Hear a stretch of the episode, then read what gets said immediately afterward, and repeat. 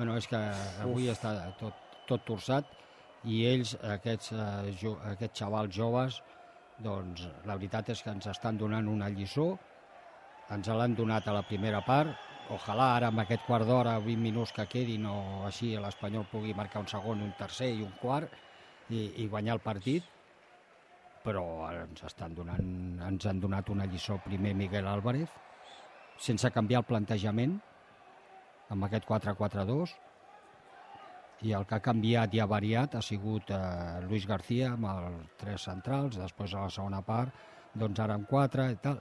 Bé, i, I les coses no rullen, no rullen.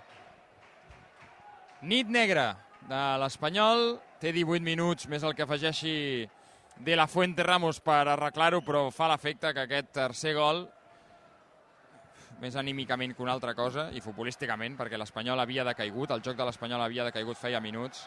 Aquest tercer gol pot acabar acabat de liquidar un equip que les veu totes tortes aquesta nit. Ah, I quan ja veus ara a Nico que ha de baixar al mig del camp... Sí, això anava a dir. Doncs si has de baixar al mig del camp, que em sembla bé, no toques la pilota, vens a rebre, però aleshores tens els pivots i els, de, i els centrals, i no pots marxar de tots.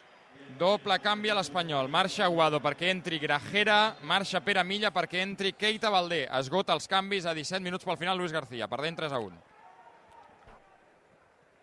Grajera, que en principi, si això de Pol Lozano s'allarga unes setmanes, la lesió d'avui eh, ha de tenir, haurà de tenir protagonisme. Falta de l'Anchi sobre Keita Valdé.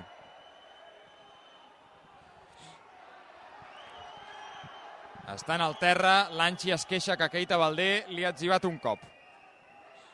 La pilota és per l'Espanyol.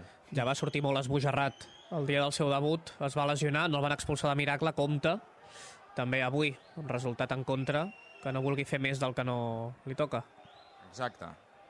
El partit i la nit convida això a cometre errades de precipitació que posin la cirereta definitiva a una nit negra. No hola, hola, companys. Hola, Aleix. Què tal? Bona nit per dir alguna cosa. Edu, Dani, Joan, la cosa no pinta massa bé per l'Espanyol, no? No, gens. Està perdent l'Espanyol 3 a 1 al camp del Villarreal B, a poc més d'un quart d'hora pel final, 29 de la segona part. 3 a 1 i gràcies, perquè en podrien haver estat més. Uh, S'ha avançat el Villarreal B a la primera mitja hora amb uh, dos gols. Puado ha fet el 2 a 1 al minut 41 abans d'acabar la primera meitat i acaba de fer el tercer Pasqual Jorge Pascual, un nano de 20 anys que ja ha debutat amb el primer equip del Villarreal, Esquerrà, que juga dalt i que li està fent un vestit a mida a l'Espanyol. Està perdent 3 a 1 en un partit en què de postres s'ha lesionat Pol Lozano, que apunta a lesió muscular important a la cuixa esquerra. Per tant, a falta d'un quart d'hora, nit negra per l'Espanyol, que, si això acaba així, perdrà el liderat, eh, el superarà el Tenerife, quedarà segon l'Espanyol a un punt del Tenerife i eh, iniciarà un periple de quatre partits. Les pròximes quatre jornades de l'Espanyol seran contra equips de la part alta. L'Espanyol s'hi presentarà oferint molt males sensacions, però bé, primer s'ha d'acabar eh, això d'avui, de moment 3 a 1, eh, un quart d'hora pel final. Pel que deia l'Edu, tot i la derrota, l'Espanyol quedarà segon a un punt del líder, Dani, però el pitjor les sensacions, no, d'avui, pel que us estava sentint ara, des de la redacció? Sí, bueno, encara queda, eh? pot passar qualsevol cosa perquè l'Espanyol té potencial, malgrat que jugui malament, eh, se li presenten ocasions. Però jo diria que l'Espanyol no s'ha presentat a Villarreal. Jo crec que encara estan a la ciutat esportiva entrenant, perquè han arribat... La primera part, la primera part ha estat molt, molt dolenta. Ens n'han fet dos, però ens n'han pogut fer algun més. Però jugant a futbol i tàcticament ens han, ens han superat. Avui Luis García ha canviat, en lloc de jugar en quatre darrere, ha posat una defensa de, de tres centrals, amb dos carrilers, amb dos al mig, érem inferioritat al mig del camp, i ens dominaven, i a més eh, aquests jugadors del Villarreal, que són joves, però que tenen tenen un futur per endavant, juguen bé, eh, eh, l'entrenador el coneixem de sobres, i la veritat... Compte l'Espanyol, Braithwaite, no pot rematar l'interior de l'àrea, la treu la defensa del Villarreal, Dani. La veritat és que ens han superat i ara amb aquest tercer gol doncs, ens ha posat les coses molt complicades. Clar. Bé, doncs tornem quan acabi el partit, a veure si l'Espanyol és capaç, com a mínim, d'empatar-lo. Aquest 3 a 1 de moment al camp del Villarreal B. Fins ara, companys. Fins ara. Fins ara, que deixem el joc. Ha provat una centrada Cabrera que ha acabat directament a les mans d'Iker Álvarez. Continua perdent... Caram, tu, són un filial, gent jove, però Sembla que s'hagin criat en les mamelles de Bordalàs, eh? Perquè, mare de Déu, quina manera de perdre temps, tu. El tal Lanchi aquest està tot a la segona part per terra. Vinga, joc aturat perquè té rampes, i ara que la tinguin, 13 pel final, 3 a 1. I és un partit, esperem que no, eh? però que pot fer mal, pot fer bastant mal, tenint en compte el que deies abans, Edu, el calendari que li ve l'Espanyol, que això no s'atura, les sensacions, més enllà de la derrota. Evidentment, aquest any, qualsevol derrota es castiga molt, no es perdona absolutament res, ho entenc, perquè és segona divisió i l'Espanyol ha de pujar, i més té la millor plantilla de, de la categoria, però avui és el que hem anat comentant. Eh, és que l'Espanyol no ha fet pràcticament res bé i avui hi ha hagut un rival que li ha passat clarament per sobre. Eh? Clar, és que hi ha derrotes i derrotes, Sí, Joan. Hi ha qual. derrotes i derrotes. Sí, una, una derrota contra el Tenerife per 1 a 0 en un partit en què tu tens moltes més oportunitats que el rival i en què el rival et guanya perquè el teu porter comet una errada que no és habitual, eh, és una derrota. És un tipus de derrota. Una altra cosa, i, i a més és contra el Tenerife. O sigui, l'única l'única derrota que havia encaixat l'Espanyol, que ha encaixat l'Espanyol fins ara, perquè aquest partit encara no s'ha acabat, l'única derrota va ser contra el Tenerife, equip que va líder ara mateix, per 1 a 0 i de manera immerescuda. Clar, no és el mateix que la derrota d'avui, en què, insisteixo, tant de bo canviïn les coses, però molt haurien de canviar a 12 més l'afegit pel final, en què t'està pintant la cara, pintant la cara, un filial. Nanos que, excepte Ontiveros, que té 26 anys, 22, 22, 19, 19, 21, 22, 23, 22, 20, 22 anys. Un filial. Sigui del Villarreal o sigui qui sigui. I t'estan pintant la cara. Ah. No, no, no, no. Això em sap molt greu, però no és tolerable. No és tolerable de cap de les maneres. Compte Ontiveros, que volia fer el quart, tapa la defensa. O sigui, no és tolerable la posada en escena de l'Espanyol avui. No és tolerable. No. Fins no. i tot, si tu comences perdent 2 a 0, si tu vas 2 a 0 i em, i em fas el 2 a 1 de Puado i a la segona part colles el Villarreal i acabes empatant, et diria, mira, has començat malament, però t'has deixat dos punts, però mira, has reaccionat. Però és que t'estan pintant la cara. És que has jugat millor que ells un quart d'hora de, de futbol. Un quart d'hora. Ja. Fa un més, doble canvi al Villarreal, entra Tassende i entra també Ferrari. Ha marxat Àlex Forés i, i, i, i, i l'altre futbolista que ha marxat és Lanchi. Andrés Ferrari, per cert, jugador fitxat de Defensor Sporting per dos milions i mig d'euros. Jugador molt jove, uruguaià. Defensor Sporting, per cert, que venia Caleri d'allà, jugador de, de l'Espanyol. Futbolista jove amb recorregut també a, a primera divisió d'aquí uns anys. Juga el Villarreal B, recupera l'Espanyol, Cabrera amb Keita Valdé, precisament Tassende, un altre dels futbolistes que ha entrat ara, canvia la pilota directament a banda. Queden menys de 10 minuts i això s'haurà acabat. Juga l'Espanyol, és Calero. Calero amb Edu Expósito. Aquest amb Cabrera, que creua la línia de mitjos. Busca passada vertical. Troba Keita Valdé. No troba Nico en la passada de Keita Valdé. Intenta recuperar l'Espanyol, que corre darrere el Villarreal. Mare meva, quina exhibició, tu. I arribarà Romero, no, abans Calero, com toquen ells. Calero amb Pacheco, pilotada llarga de Pacheco perquè Nico la baixi amb Edu Expósito. Deixa per Grajera, va de cara, i aquesta obertura amb Brian. Nico enrere amb Cabrera. Ja en parlarem, però sabeu què passa també? Que aquest any l'Espanyol eh, ja ha passat bastant sovint Espera, que ara ataca Puado per la dreta. Enrere Paredo Expositro. Pou la centrada, el segon pal, Brian Olivan no hi arriba, Raquena posa la cama dreta i envia a corna. Des de l'esquerra. I anirà Brian mateix. L'Espanyol que fa pujar mitja dotzena de futbolistes a l'àrea. 37 de la segona.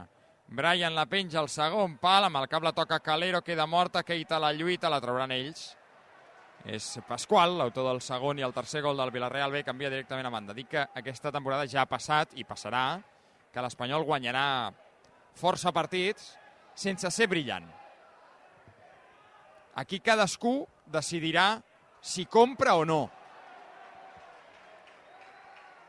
Si els tres punts li valen o no, encara que l'equip no jugui bé o no mostri la seva millor versió. Sí. Això va, ha passat a casa amb la Morevieta, ha passat a casa amb el Racing del Ferrol, l'estona que va jugar 11 contra 11, va passar l'altre dia a Cartagena. Aquí cal veure també quin és el llistó de cadascú pel que fa a al, Sí, però hi ha una cosa, no, Joan, eh? que no és discutible. Hi ha una cosa que no és discutible, que és que... I no parlo de jugar bé a futbol, parlo de... Allò, el debat que tenim sempre. Parlo de imposar-te al rival, de que es vegi un equip que sap el que juga i que, i que a través d'aconseguir jugar el que vol, guanya els partits. Val? Això l'Espanyol, no ens enganyem, l'Espanyol això no ho ha fet. Avui no. Avui no. Ni, I perdona, i m'atreviria a dir que l'Espanyol no ho ha fet en cap partit excepte un. El Ciutat de València. Partits en què, haguessi, eh, en què haguem dit que bé que ha jugat l'Espanyol tot el partit o la majoria del partit i que, que superior ha estat l'Espanyol al rival, només n'hi ha hagut un. Però, només n'hi ha hagut un. però jo pregunto, i, i partint de la base que avui el partit de l'Espanyol és desastrós, que Luis García s'ha equivocat clarament amb el plantejament i que el rendiment de la gran majoria de jugadors, per no dir tots, està sent eh, molt fluix. Però es pot imposar-se al rival durant gairebé tot el partit, durant gairebé totes les jornades a segona divisió? És que jo crec que no. El tema és, o el que s'hauria d'exigir, és que hi, ha, hi hagi una línia continuista, que hi hagi una certa regularitat i que hi hagi una evolució. Però crec que és molt difícil que l'Espanyol pugui repetir partits com el del Llevant setmana rere setmana. Vaja, no ha passat gairebé mai a segona divisió. També Però has de ser estàs capaç... d'acord amb mi, Joan, que només ha passat en un de 10? jo diria que en, en, altres, en molts, mo- bueno, molts moments, sí, en bastants moments l'Espanyol ha imposat el seu el plantejament. Que podria haver-lo allargat? Sí, però l'ha imposat el dia de Tenerife, per exemple, tot i no guanyar. Compte, perdona, que ataca l'Espanyol Puado, la centrada és horrible. Directament al segon pal, digues, Joan. No, això, que jo crec que en gairebé tots els partits hi ha hagut fases on l'Espanyol s'ha imposat clarament, ha generat més ocasions que, que, que el rival, hi ha hagut aquella sensació que podia marcar fàcilment, però no, no ha estat regular al llarg dels partits. Però crec que és difícil mantenir-ho durant els, els 90 Sí. minuts. Sí, sí, sí, sí. Jo, jo això t'ho compro, però no, per, per rematar el meu argument. Dic que, que quan un equip va traient els resultats endavant sense mostrar una versió molt bona, està més a prop que la de, de la derrota, està més a prop d'un mal partit que un equip que va traient els resultats amb certa regularitat, per utilitzar la, la paraula que tu, que tu utilitzaves. I, I fins ara, jo crec que aquests primers, aquest primer tram de Lliga de 10 primers partits, l'Espanyol és això. L'Espanyol està traient més partits per potencial i per inèrcia que per joc. És la sensació que jo tinc. I això fa que estiguis més a prop de quedar descobert. I avui l'Espanyol ha quedat totalment descobert. Perquè hi haurà equips, esperem que sigui un de tant en tant, esperem que la següent derrota no arribi fins d'aquí 7 o 8 jornades, però avui l'Espanyol a l'Espanyol l'han passat per sobre. Jo, jo, no, jo no demano a l'equip que jugui brillant sempre i que faci grans partits sempre. No, no, jo no demano això. Jo el que demano que avui no es pot permetre això. No es pot permetre per una raó que jo entenc, que és que tàcticament avui t'han guanyat la partida. Vale?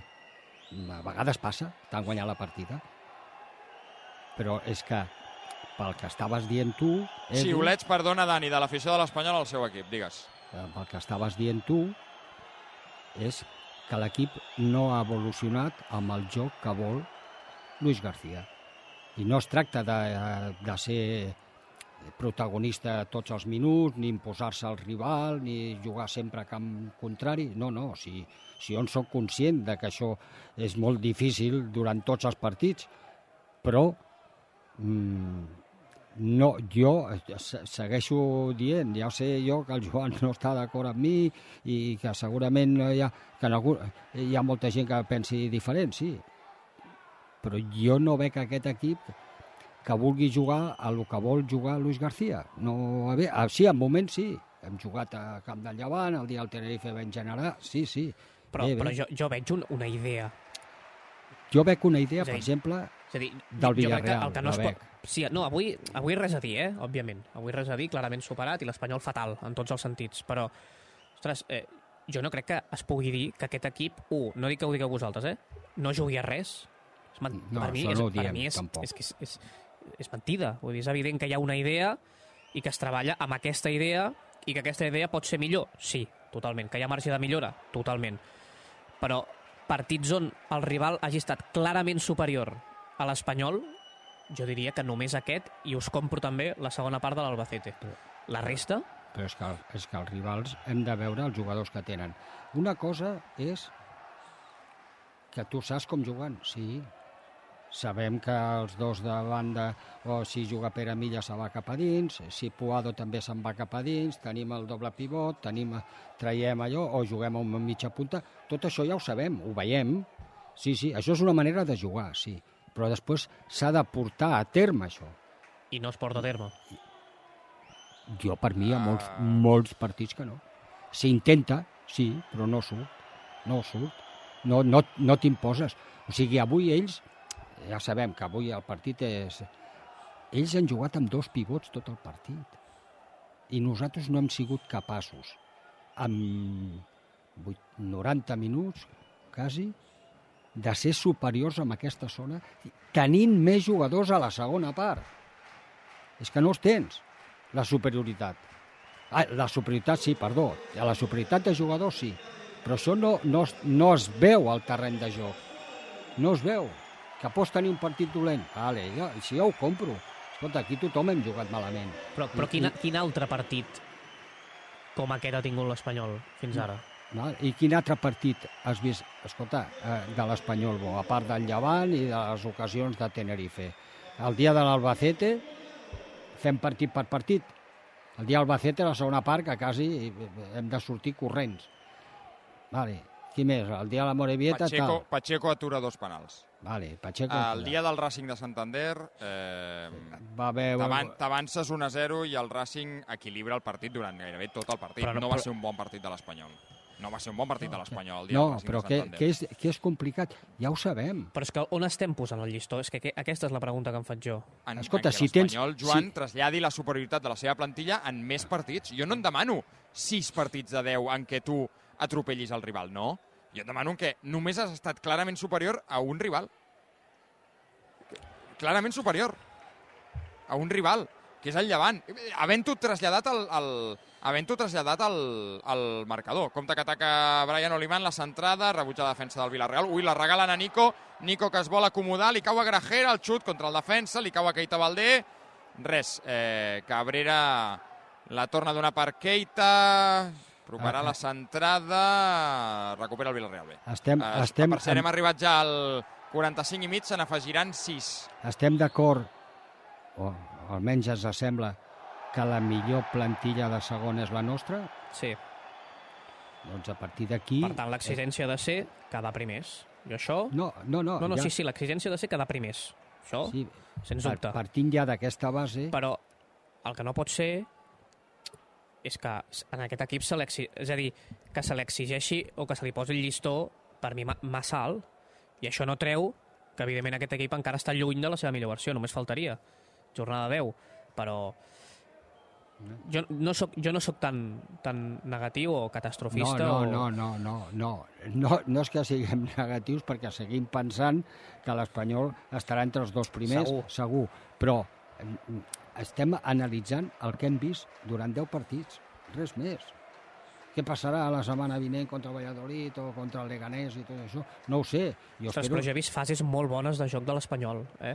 Que l'objectiu ha de ser que en comptes de ser 20 o 30 en siguin 45 minuts? Sí. Ara és difícil.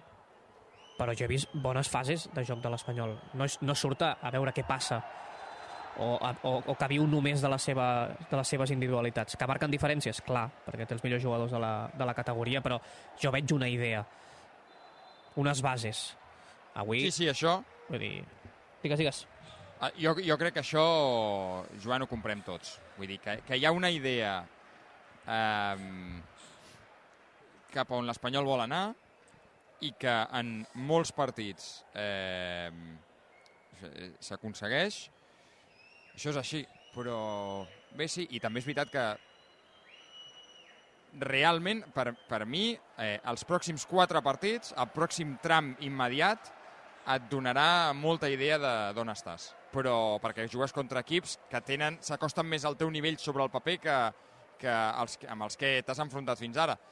Jo l'únic que dic és que l'Espanyol no arriba a aquest tram eh, important per jugar contra rivals, no arriba donant una donant la imatge que tots vol, voldríem.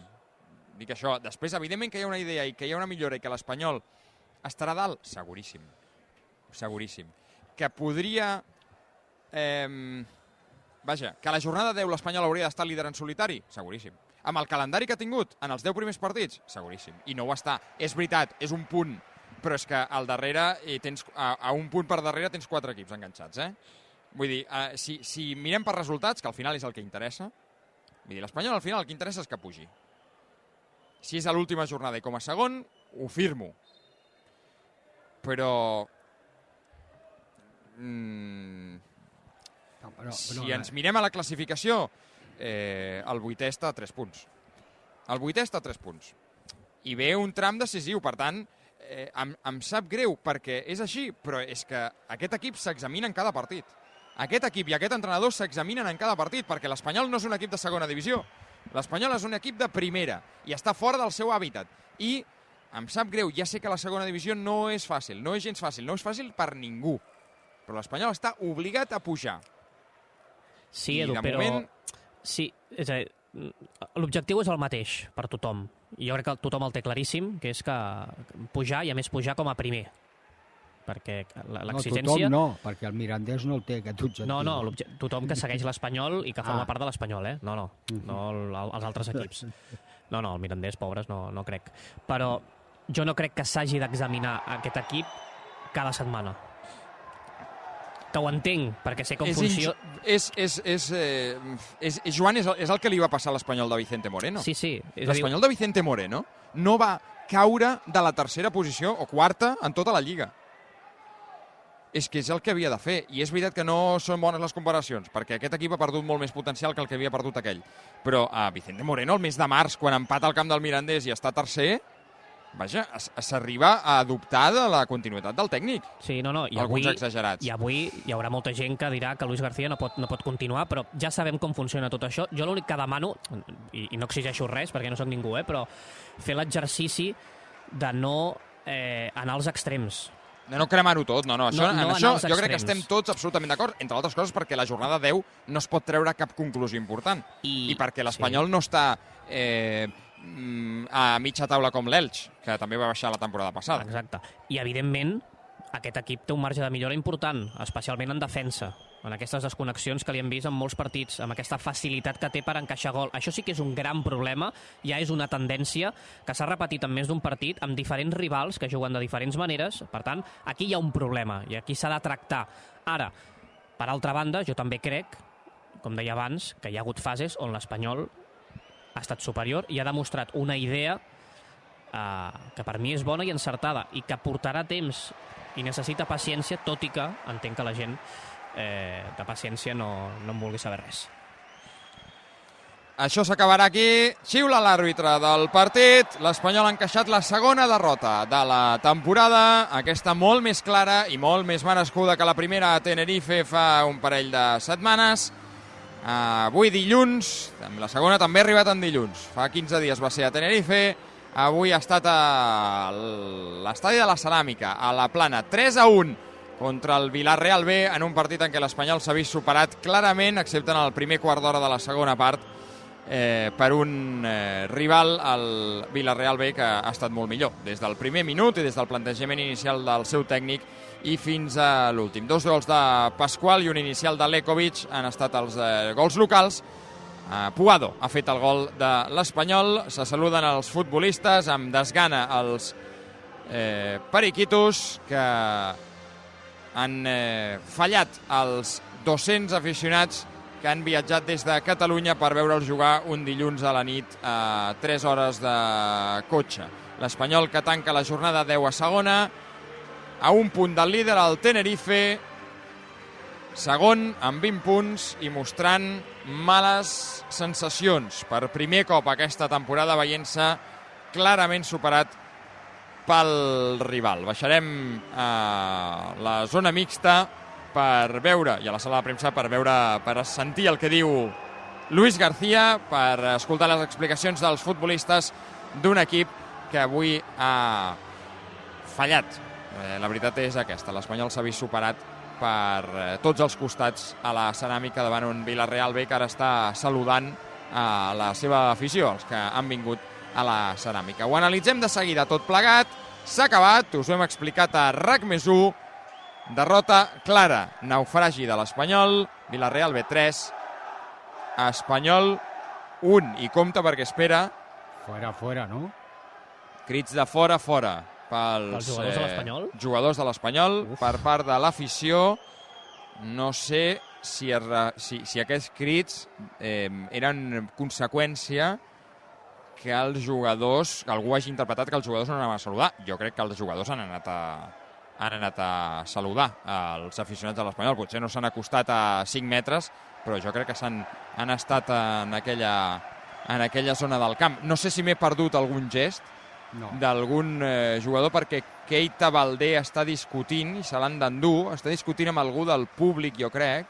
És que Keita ja anava...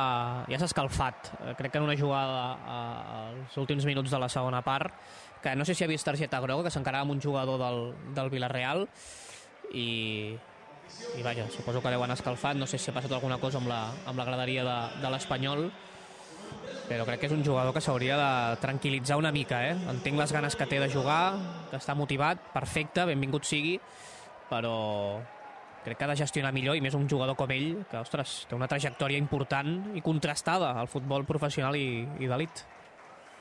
En fi, ara ho analitzem tot plegat. Al final, a la ceràmica, de seguida tornem, us ha explicat RAC més 1, Villarreal B 3, Espanyol 1.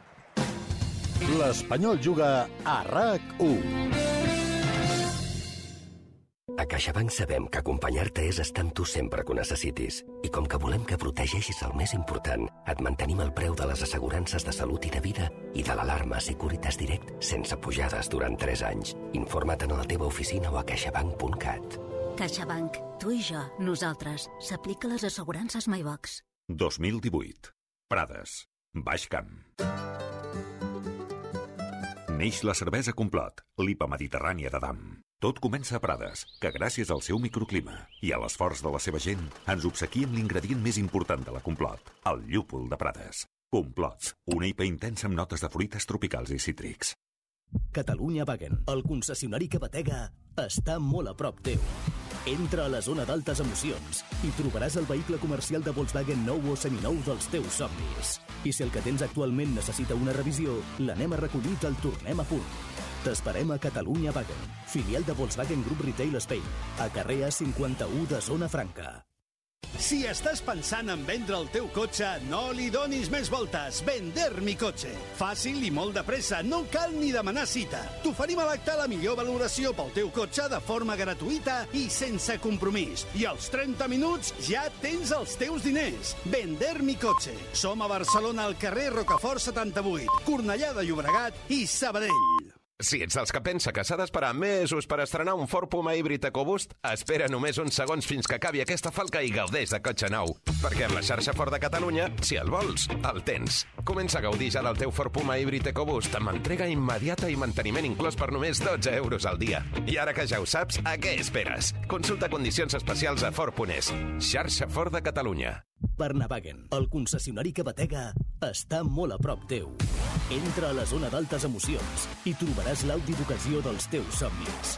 I si el teu Audi necessita una revisió, l'anem a recollir i te'l tornem a punt. T'esperem a Barnavagen, filial de Volkswagen Group Retail Spain, a passeig de la Vall d'Hebron 101.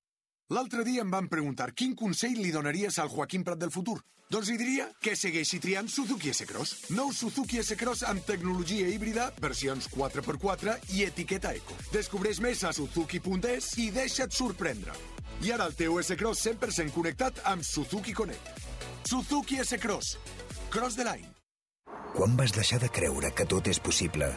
El nou Hyundai Kona arriba amb la seva innovadora tecnologia i el seu sorprenent disseny per demostrar-te que res no és impossible. Supera els teus límits amb el nou Hyundai Kona. Hyundai, l'única marca amb 5 tecnologies elèctriques. Te compra tu coche, te compra tu carro, te compra tu buga. Te compra tu furgo, te compra tu moto, te compra tu auto, caravan. ¿Te han hecho una oferta? Te la mejoramos. Has oído bien. Mejor precio garantizado y compromiso de pago en 24 horas. Ven a vernos. Autocenter Barcelona, el concessionari que batega, està molt a prop teu. Entra a la zona d'altes emocions i trobaràs l'Escoda nou o seminou dels teus somnis. I si el teu Skoda necessita una revisió, l'anem a recollir i te'l tornem a punt. T'esperem a Autocenter Barcelona, filial de Volkswagen Group Retail Spain, a Via Augusta 253 i carrer A51 de Zona Franca. L'Espanyol Juga RAC 1 és una gentilesa de CaixaBank i Estrella d'Alt. I l'Espanyol ha perdut 3 a 1 contra el Villarreal B en la desena jornada a segona, tanca la jornada, com diem, segon, a un punt eh, del líder, que és el Tenerife. Um, Dani Solsona, sí. hem dit moltes coses i ho hem resumit tot plegat, però com, com se't queda el cos? Home, malament. Se'm queda malament perquè avui ha sigut un partit d'aquells que, que espero que sigui el, el primer i l'últim. Perdre pots perdre, però és que jo entenc que l'Espanyol, amb el potencial que té, eh, els equips, jo crec que li estan perdent el respecte. O sigui, jo m'agradaria veure els equips que en algun moment s'adapten amb el dibuix o la manera d'actuar que tenen habitualment perquè juguen contra un equip que consideren que és superior. I això no ho estic veient. No ho estic veient que avui ha sortit tot malament, des de l'inici al plantejament, i després que no has tingut la pilota, que ells l'han dominat millor, que ells han estat millor al mig del camp, que ens han superat i que després ens han fet, han sigut molt efectius i han fet dos golassos al Pasqual, molt bé. Però és que nosaltres la resposta nostra és molt, és molt fluixa, és molt petita. Estem eh, supeditats a que jugadors que tenen el seu potencial en atac, doncs en alguna jugada doncs et puguin rematar i, i marcar gols. I això és el que més em preocupa. O sigui, el que més em preocupa és que l'equip ha de funcionar com a equip. I, i, i ho hem parlat molt, que la idea, sí, sí no, estem dient la, no estem dient que no hi hagi una idea, evidentment que hi ha una idea, però després aquestes idees s'han de portar a la pràctica i sí que per moments i segons quins partits i en alguns eh, moments puntuals doncs eh, sembla que sí, però després hi ha moments que es dilueixen i podem parlar d'alguns partits que han fet ponts, altres que no, altres que som irregulars, i avui ha sigut que ens han passat per sobre. Bueno, doncs s'ha de dir, de la mateixa manera que, que dèiem amb Vicente Moreno, quan jugàvem a fora de casa, habitualment doncs, que l'equip no donava la talla, que érem una mica eh, massa defensius, que no arribàvem a porteria, també ho dèiem, eh? Jo ho recordo perfectament. I això què vol dir? Que estem contra Vicente Moreno, que estem contra Luis García, que estem contra... No, no, no, no estem contra ningú, al, al contrari. Si nosaltres el que volem és que guanyi l'Espanyol. Però mm, jo, eh, bueno, i els tres, no, no podem dir, o almenys jo, no, jo no puc dir una cosa que estic veient, que em puc equivocar. Evidentment que sí. Evidentment que sí.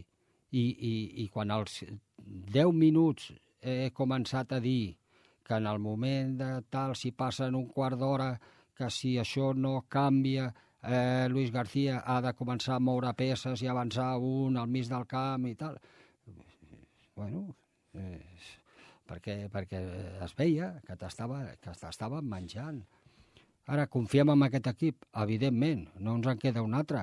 I que estem segurs que quedarem entre els dos primers? Sí, i que ara a la millor jugues contra el Valladolid i l'Eganés, que, que els tenim allà, que ens estan menjant, a, que ens estan trepitjant, doncs a la millor juguem un partit eh, brutal. I també ho direm, i també ho direm, però no, no veig les peces, les peces com per fer aquest joc. De moment encara no ho tenen del tot assimilat, no surt bé. El mal quadrat aquest, els dos mitges puntes, intervenen poc, potser no els hi arriben pilotes. Vale, pot ser un dels motius. Però per què no els hi arriben? Oh, perquè millor els dos pivots d'ells estan pressionant i no els deixen que facin aquestes passes filtrats amb, el, amb, els, amb els interiors, amb els mitges puntes. Bueno, doncs és un motiu.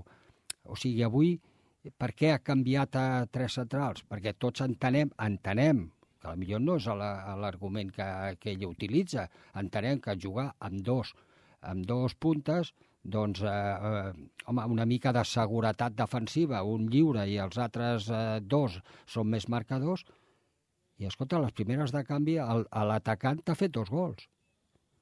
T'ha fet dos gols. És veritat que el segon te l'ha fet, a, bueno, el tercer que ha marcat a Pasqual, doncs ja te l'ha fet a la segona part. Els carrilers, bueno, sí, Omar ha fet eh, algunes incursions, bona jugada. Ramon no ha intervingut, ho estàvem dient a la primera part. Eh, Pere Milla, poca cosa. I Puado, poca cosa. Bueno, i Braithwaite, clar, quan un equip amb aquest potencial, el teu atacant, ha rematat una vegada a la segona part, perquè jo no li recordo ni una, ni una rematada, ni una jugada, jo no li recordo. Ostres, això, això no funciona així, eh? El, el teu atacant ha de rematar, encara que sigui per casualitat, tres cops. No? I si no em desmentiu, jo no recordo cap, cap la segona part que ha anat creuada, No, no. que ha anat creuada, aquella que ha anat creuada, Sí, De Braithwaite. Però ni entre els tres pals. ni entre els tres pals, i la primera part no li recordo res, i la segona, però és que, a més, Perdoneu. Digues, digues, Dani, pots acabar la frase. ni una jugada. O sigui, mm, no, i, i, i mira que la gent està, està endollada, eh? perquè ja veus que van al camp i, escolta, hi ha pràcticament les mateixes, la mateixa entrada que, que quan estàvem a primera. Digues, digues. Comença la roda de premsa de Luis García. A veure. aquí darrere, Lluís. Uh, bé, no sé si des del teu punt de vista ha sigut un dels pitjors o el pitjor partit de la temporada. M'agradaria que, que l'analitzessis una mica per saber què, què, què ha passat, què li ha passat a l'equip, especialment a la primera part. No sé si potser el plantejament... És a dir, qui, qui és el que menys t'ha agradat avui de l'equip?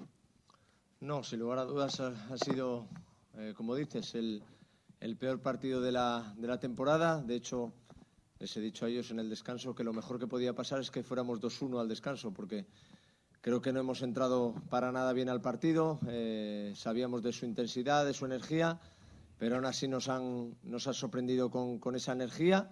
No hemos, no hemos decidido bien, no hemos encontrado las ventajas bien donde, donde estaban y, y no las hemos encontrado y, y a partir de ahí con el 2-0 pues eh, todo es mucho más, mucho más complicado. Creo que el síntoma más claro es que a nivel de duelos hemos perdido la mayor parte de los duelos y eso en fútbol profesional, ya sea contra un filial, ya sea contra quien sea, eh, lo pagas, lo pagas y, y lo hemos pagado con, con, ese, con este resultado. La míster Edu de Valla de Racut. Volia preguntar pel plantejament inicial, que avui hi ha hagut en un canvi, tres centrals, dos carrilers, què buscaves eh, i quina lectura en fas? Bueno, eh, te digo la verdad, lo, Lo repetiría sobre todo porque eh, el Villarreal es un equipo que te mete cuatro jugadores por dentro, que necesita ser agresivo en esos espacios interiores, que en segundo tiempo hemos cambiado arriesgando mucho más. De hecho, el tercer gol ha venido un poco así, por arriesgar y, liberar esos espacios interiores y tener que recorrer con la línea. Y, y nos ha faltado que no hemos sido agresivos en, en los saltos de los centrales hacia adelante. Eh, poníamos tres centrales precisamente para, para ser agresivos en esos, en esos saltos. Los mediocentros eh, estaban bastante expuestos con lo de delante y lo de detrás y no hemos interpretado bien la, la situación y nos han, nos han superado, pero eh, vuelvo a repetir, seguramente sea porque no lo he explicado bien, porque los jugadores no lo han entendido bien, porque ellos siempre eh, siguen eh, todo lo que, lo que decimos. Creo que ha sido el, fallo mayor que, que, hemos tenido en ese sentido con, el, con la estructura de, de 5-3-2 que teníamos. Mister, eh, Francés Vía para la grada en directo. Eh, quería preguntarle, cuando perdimos en Tenerife la primera derrota del equipo, usted dijo que esta derrota no se había venido bien, en cierta manera, eh, es decir, había sacado cosas positivas de la derrota. A mí me parece que esta derrota es una derrota de las que hacen daño. No sé si usted eh, es del mismo parecer que yo. Bueno, yo sigo sacando cosas positivas porque te enseña cosas que no debes hacer. En el momento que bajas el nivel de, de ganancia de duelos, de intensidad, de ser agresivo en balones divididos, eh, pues el rival, el rival te, te, supera como ha sido hoy y hay que, hay que felicitarlo. Entonces, por eso saco cosas positivas, porque debemos aprender de la, de la derrota, eh, gestionarla y saber que, que estamos en, en, segunda plaza, que son posiciones de, de, ascenso, pero que queda un camino larguísimo para, para pelear, para mejorar muchísimo y, y, tener calma y tranquilidad porque tengo plena confianza en, en los futbolistas. Al margen de ello, eh, en el, gol de, el tercer gol del, del, Villarreal, pareció también que el equipo había empezado a notar también la figura del stopper. Hemos hecho un cambio, hemos dejado un poco sin el jugador posicional, en este caso que, que, era Paul por lesión, hemos optado por sacar dos jugadores más creativos. ¿Le ha parecido que de alguna manera eso ha tenido algún tipo de, de incidencia, por ejemplo, en esa jugada? Bueno, sobre todo por el tema de la estructura que te he dicho. Ellos meten muchos jugadores por dentro. En el momento que saltas y te desajustas un poco por dentro y no llegas en el timing correcto a, al duelo, pues eh, te superan. Por eso vuelvo a repetir, eh, nosotros no, no planteamos una estructura porque se nos ocurra ese día, sino porque hay mucho análisis detrás, hay mucho trabajo y, y al final, pues bueno, hay veces que en el fútbol salen las cosas, otras no. Segundo tiempo teníamos que arriesgar. Creo que segundo tiempo hemos entrado mejor, los hemos metido un poco atrás buscamos conseguir ese, ese, segundo gol, no lo hemos conseguido y ellos se han encontrado con ese tercer gol que, que nos, ha hecho, nos ha hecho mucho daño. Buenas noches, entrenador Kiki Iglesias de COPE. Eh, ¿Te preocupa el nivel físico del equipo? Te diré, he visto el equipo muy cansado, sobre todo bueno, a través del mazazo del tercer gol eh, más, ¿no? Eh, Paul, como decía el compañero, se ha marchado también al parecer lesionado. ¿Te, preocupa que con tan pocos días tengas ya un, primer bajón físico generalizado del equipo? Pero es que es, es, normal, tres partidos en una semana, primer partido con dos días de recuperación solo, el rival llegaba con más días de recuperación, nosotros a este, eh, sin que sirva de excusa, evidentemente, porque no hay excusa, eh, llegamos con tres días, el rival llega con, cuatro o cinco. Sí, vamos un poco con la rémora de, tener menos días de recuperación que el rival, pero creo que es, forma parte de la, de la normalidad. Dentro de la semana de tres días llegará al último partido un poco más exigido. Teniendo en cuenta que la gente por detrás aprieta a todos los equipos, los rivales, ¿encuentras que el primer gran punto caliente del, del, del, del, campeonato es el sábado, en casa con un equipo que viene de ganar cinco partidos seguidos? Bueno, y será el siguiente, y será el siguiente porque esto, esto no para. Eh, si consigues un buen resultado, después diremos que, que el siguiente también es muy, muy importante. Eh, tenemos que tener calma y, y, tranquilidad y saber que esto es prácticamente eterno y que, y que tenemos que gestionar cada, cada victoria, derrota o empate de la misma manera, con naturalidad, sabiendo que, que el camino es, es, muy, muy largo y que, y que estamos en el, en el, camino, que tenemos que mejorar seguro, pero como, como todos, hoy ha sido y es un día duro para todos, agradecer a la gente que, que se vuelva a casa un día de diario eh, jodida por, por el resultado, porque no le hemos dado lo que, lo que queríamos, pero que, que vamos a seguir trabajando para, para conseguir el resultado. Edu, no? Vols... Et volia preguntar, míster, eh, si sabem alguna cosa de Pol, és molt d'hora, si té... quina pinta té? Bueno, es muy pronto todavía, es un tema muscular, hasta que no pasen un par de días o así, no, no, sabremos, no sabremos nada más. ¿Alguna pregunta més? No, molt bé, gràcies. Doncs, s'acaba la de roda de premsa. L'hem sentit també al tram final, Edu, eh, de, de, de, de la roda de premsa, el tu diràs. Sí. Després d'aquesta derrota es confirma, eh? Villarreal B 3, Espanyol 1, l'Espanyol que acabarà segon aquesta desena jornada a un punt del líder. Bé, una derrota numèricament, com a mínim, Edu, menor, no? perquè l'Espanyol continua en aquesta zona alta. Sí, sí, sí. De fet, fa més mal en les sensacions que la classificació, perquè és molt d'hora. Són 10 jornades i estàs a un punt del liderat. És veritat que eh, amb aquesta derrota ja se t'enganxen, sembla que són, parlo de memòria, quatre equips a només un punt, també, i que la part alta estarà disputada. El, la clau a partir d'ara són les pròximes setmanes, les pròximes quatre setmanes, Aleix, el que dèiem, quatre partits contra eh, rivals de la teva zona de la classificació, i aquí és on jo crec que podrem treure més conclusions eh, de- d'aquest espanyol que avui és evidentíssim que ha fet un, un, una o dues passes enrere respecte al que li havíem vist, que no era, això cadascú tindrà la seva opinió, no era un espanyol brillant, no era un espanyol abassegador, però sí que era un espanyol eh, fiable en els, en els nou primers partits de Lliga. Avui no ho ha estat. Mhm. L'Espanyol, com deies, que té per sota Leganés, Llevant, Saragossa i Valladolid amb 19 punts, quatre equips amb 19 punts, l'Espanyol amb 20, Eibar amb 18, Sporting amb 17. Vull dir que els 8 primers classificats estan separats eh, per 4 puntets Sí. de diferència A més- i els pròxims partits, com deies, Valladolid, Leganés, Sporting i Eibar. Vull dir que això és una prova de foc eh, per l'Espanyol, aquest tram final Aquí- ja de la primera volta. Aquí, a més, hi ha una cosa, que és que hi ha dos eh, d'aquests rivals, dos dels equips de la part alta, que estan cridats a ser favorits per l'ascens, que són Valladolid i Eibar, que, que porten 5 victòries, 5 i 4 victòries consecutives eh, respectivament, i que plantejaran guerra seguríssim, vaja. Mhm. Tenim per aquí el Dani Solsona i el Joan Camí i també aquí a la taula del Tudiràs el Lluís Carrasco. Hola, Lluís. Hola, hola, bona Què nit. tal? La Danai Boronat. Hola, Hola, Danai. bona nit. Bona nit. I el David Bernabéu. Hola, Què tal, Bernabéu. Aleix? Bona nit. Mira, deixeu-me sentir una valoració, si voleu dir alguna cosa també, del Solsona i del Camí, i arrencarem també ja la tertúlia aquí al, al Tudiràs i us deixarem tancar la transmissió a RAC més 1. Dani, Joan, amb què us quedeu d'aquest espanyol que avui ha tingut una mala nit a Vilareal? Avui no ens podem quedar amb res, amb res positiu.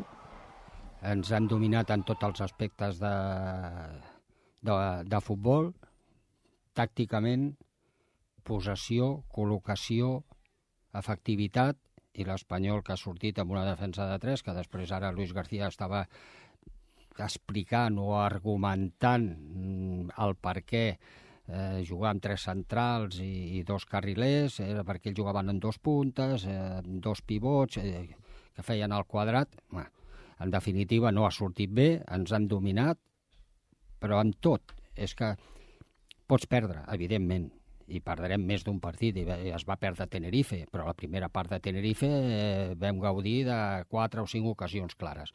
Però és que avui la sensació és de que aquest equip està trencat, que no vol dir que estigui trencat, però la sensació que hem tingut avui és aquesta, no? Ens han dominat en tot, en tot. Home, Braithwaite, que és l'atacant nostre, ha rematat en tot el partit un cop i ha anat a fora. Un cop. No ha fet ni una jugada, no ha fet ni un remat. S'ha d'exigir una mica més. I aquí no estem parlant eh, eh, eh, els que estem fent l'espanyol de, de que l'espanyol hagi d'atropellar els rivals, de que sigui infinitament superior, que guanyi cada partit 4-0, que jugui 95 minuts eh, de manera estel·lar. No, no, no demanem això. No demanem, demanem una regularitat, amb una manera d'entendre el futbol, de com se juga, tal, que després sortirà bé o malament, però la idea, sí, la idea hi és, sí, però no s'acaba de posar en pràctica. Sí que el dia del Llevant, el dia del Tenerife mitja part, eh, ve la Morivieta i, i, i en marca dos gols, ve el Dent en marca tres, ara te'n marquen tres més.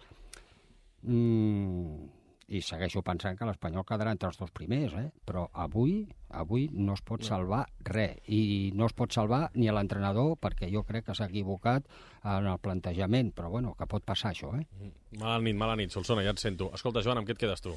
És que no puc afegir res més del que ha dit el Dani, estic totalment d'acord. Partit per oblidar, un desastre. Eh, primera vegada a la temporada que l'Espanyol és superat clarament per al rival. Avui cal dir que el Villarreal ha fet un partidàs, un senyor partidàs, amb Miguel Álvarez, un mite del futbol català a les eh, banquetes, doncs que avui ha superat clarament a, a l'Espanyol.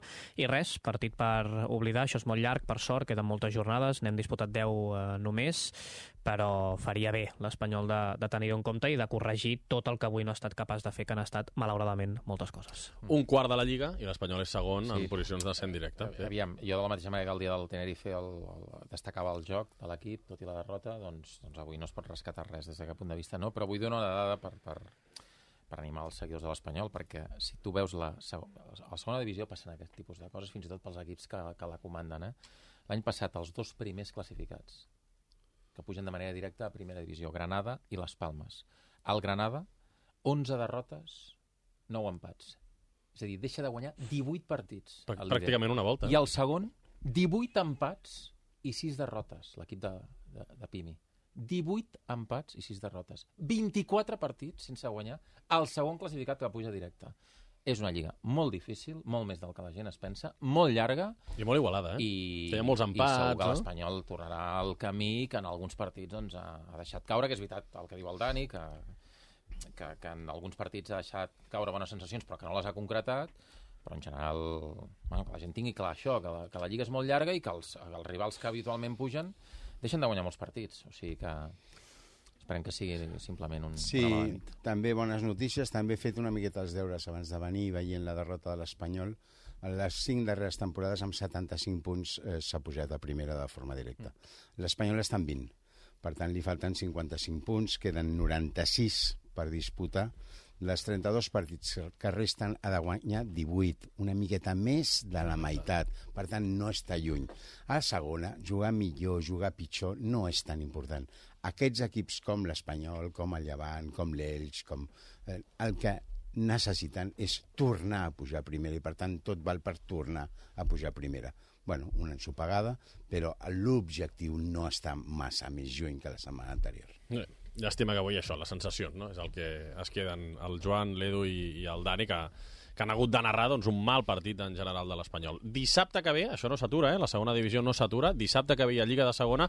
Oi que és un Espanyol-Valladolid a, a l'RCD Stadium, Joan? Sí, partidàs eh, contra el Valladolid dissabte a les 9 amb Domingo Catoira, exdirector esportiu de l'Espanyol, ara liderant la direcció esportiva del Valladolid, un dels clars candidats a pujar a primera divisió com l'Espanyol. I l'inconvenient és que eh, hi ha sis equips amb dos punts. Aquest és l'inconvenient, Ja, que es ja. mantingui aquesta igualtat eh, en, el, en el cim de la classificació. Clar, sis equips amb només dos punts és una Però bogeria. al final es trencarà això, al final s'acabarà trencant. Si, si teniu temps, eh, que ja sé que aneu molt justets, eh, mireu els dos gols de, del, de Pasqual amb la- amb l'esquerra.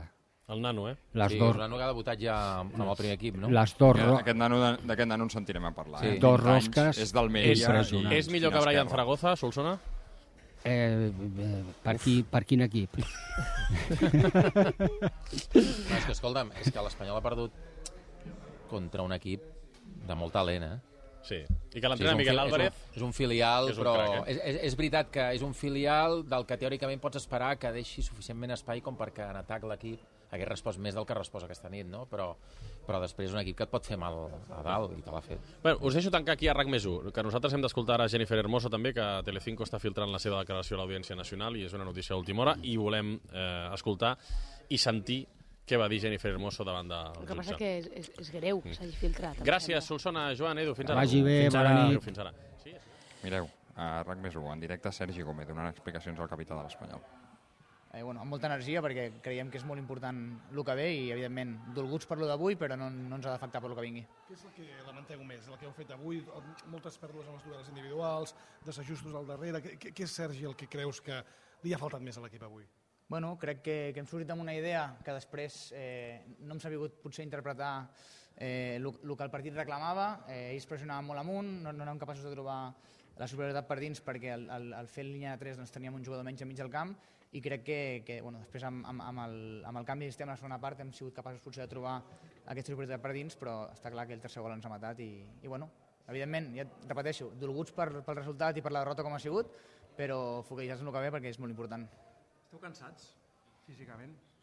Veig que us fa els partits llargs. Bueno, ha sigut avui eh, tercer partit consecutiu pràcticament. Està clar que, que evidentment quan hi ha jornada intersemanal doncs, eh, podem acusar una mica més el cansanci i, i evidentment doncs, no, no era el partit on estàvem més frescos, segurament. Ara ve un tram de campionat, Sergi, en què jugueu quatre partits seguits ara contra equips de la part alta que ara estan a la part alta de la classificació, començant per dissabte a Valladolid. Um, això és molt llarg, però comença a ser... Vull dir, eh, eh, aquests quatre partits seran un tram ja important a la temporada? Sens dubte, igual d'important que ha sigut el tram anterior, més enllà del rival, com es digui, i on estigui la classificació, creiem que és una, és una, és una lliga de, de passos curts, però molt constants. Està clar que, que, que avui no ho hem aconseguit, però repeteixo, ara venen rivals eh, importants i, i crec que tenim, eh, torno a dir, una fortalesa eh, mental i com a grup que, que ens permetrà seguir endavant, segur. Eh, et vull preguntar, Sergi, tornant al partit, eh, sobre la defensa de 3, l'havíeu assajat prou? Us heu sentit eh, més incòmodes? Eh, explica'm una mica la teva experiència. Sí, és una, és una, és una alineació que, que, que hem repetit crec que més vegades amb Luis de 3 que de 2.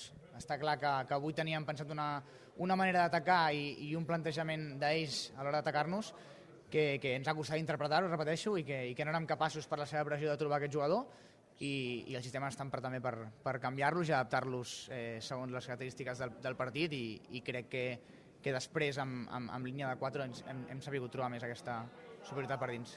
Sento, palpo, eh, Sergi, que quan hi ha una derrota, la gent a les xarxes, a la grada, ostres, la, la, la nota molt perquè sembla com que no podeu perdre cap partit. Vosaltres també noteu que cada derrota és, ostres, pum, és una decepció per la gent? Si ens donen les derrotes és positiu. És positiu perquè apuntem alt, perquè eh, tenim un objectiu molt clar i està clar que, que quan tu vols guanyar cada partit i passa com avui que no ho aconsegueixes, fa mal. I que faci mal és molt positiu. Gràcies. Merci, Sergi. Uh, Sergi Gómez, el capità avui de l'Espanyol, que per cert, que per cert, sabeu que l'Espanyol i tots els equips de primera i de segona estan obligats o treuen un futbolista a la zona mixta després de cada partit. En les dues derrotes de l'Espanyol, fins ara, ha sortit Sergi Gómez. A Tenerife fa 15 dies i avui. Que està fent, està fent de capità, eh? Mira que no està, està fent tenint de capità. Eh, gens de està fent el que feia, Joan, està fent el que feia Sergi Darder l'any passat. I sense jugar. Sergi Darder, quan hi havia una derrota, Sí, sí, també és veritat. Sí, perquè passa que Sergi Gómez Contra el Tenerife sí, a la les segona. dues derrotes sí. ha jugat. Sí, perquè diria que si no juga, no diria, eh? o no sé si és, una, és, és obligatori que el Clar. jugador que ex, dona explicacions ha de jugar, però vaja, eh, de, de tots els centrals que té l'Espanyol, exceptuant Víctor Ruiz, evidentment, és el que menys ha jugat i amb, i amb diferència, i se l'ha vist fent de, fent de capità eh, per les xarxes socials i, evidentment, després a nivell intern, que no ho sabem, però ens consta que és així. Ha dit, ha dit una cosa que m'ha agradat, perquè era la teoria que estàvem mantenint aquí de, explicant el partit. Diu, clar, al jugar amb tres centrals ens faltava un jugador al mig del camp. Després, quan hem canviat a la segona part, ja trobàvem més els jugadors. Menys mal que hi ha algú que, que explica alguna cosa i que, i, i que ho ha vist perquè ell estava dins i ho veia perfectament, no? i és el que hem anat dient durant la primera part i durant la segona menys perquè ja havien canviat. Bé, doncs eh, aquí s'ha acabat tot, eh? perquè comenten els companys de Villarreal eh, que eh, Miguel Álvarez ja ha sortit en roda de premsa, eh, Luis García també, evidentment ja l'hem sentit en directe, i l'Espanyol ja no traurà més jugadors a la zona mixta, per tant aquí està tot liquidat. Si voleu, acabem de... Per cert, els eh, que hagin encertat la resposta de Korneyev pel concurs de les entrades, el concurs el farem eh, davant de notari durant els pròxims dies. Dani Solsona, que té el, el, el títol de notari, eh, farà demà innocent i regalarem dues entrades a algun dels oients que ha contestat eh, correctament Korneyev al, amb el hashtag Fracu a Twitter. I no sé si queda alguna cosa més a, a dir, Dani, Joan. No, eh, ja sí. podem... Si no, tanquem. No, però mira, jo volia afegir una cosa que, ostres, m'agrada, aquesta transmissió m'agrada perquè tenim debats interessants i no estem, sí. i no estem d'acord en, en algunes coses i és normalíssim i em sembla molt sa i a més crec que és un debat molt interessant i crec que la gent des de casa potser hi ha algú que ens escolta i, i té ganes de, de, de matar-nos, eh? però, però ostres, m'agrada, m'ho passo bé, inclús els dies que l'equip juga fatal i que pràcticament ni es presenta, però no sé, m'agrada, m'agrada que no sigui tot o blanc o negre i que ens estiguem tirant els plats pel cap i que tinguem una, un debat interessant. És que, és que jo les, les, o les retransmissions o, la, o les, el que sigui, doncs sempre tots a favor de corrent. A mi això Molt avorrit. No, no, a mi no m'ha agradat mai. O sigui, cadascú ha d'expressar la seva opinió. I qui, la veritat quina és? No ho sé, però cadascú expressa la seva, no? És que probablement tots, tots tenim raó, no? perquè és la gràcia també d'aquest esport que... No, no, i tots tenim la, la nostra raó perquè estem parlant de l'equip que volem. Mm. Clar. Sí, sí. Clar, no estem parlant de no sé qui. Eh, estem parlant del nostre equip, del que volem, del que volem que pugi a primera, de, eh, que ens agradaria que, que fessin altres coses, que juguessin millor, tot això, ja ho sé.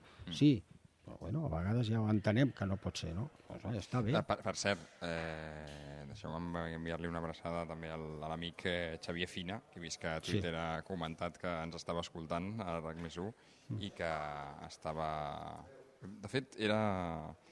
Clar, tampoc volem... No, no, no sé, mm, tu, Dani, i tu, tu també, Joan, no és la meva intenció que aquí traslladar-li als oients que aquí eh, som de Luis o no som de Luis. Tu ets de Luis, tu no ets de Luis. Aquí no, no ens agraden les etiquetes tampoc. O sigui, al final és el que dieu, la clau és que tots volem que guanyi l'Espanyol. Sí. Llavors, a, a uns, depèn del partit, ens agradarà més l'equip un dia, ens agradarà menys, a nivell general valorarem unes coses i, o valorarem altres. Eh, però diguem-ne que simplifiquem, si simplifiquem una mica les coses, diguem que avui en, en Xavi Fina estava d'acord amb tu, Joan, en què s'ha de tenir, no, no s'ha de eh, caure en el pessimisme exagerat després d'aquesta derrota, sinó que hi ha una idea que s'ha de treballar, cosa que jo també veig i jo també i en la que jo també hi crec, eh, i que és una derrota que tampoc dispara les alarmes. Eh, cosa que jo tampoc penso, eh? però Però, sí que que això no ho, però que això tampoc ho, ho, ho estem dient.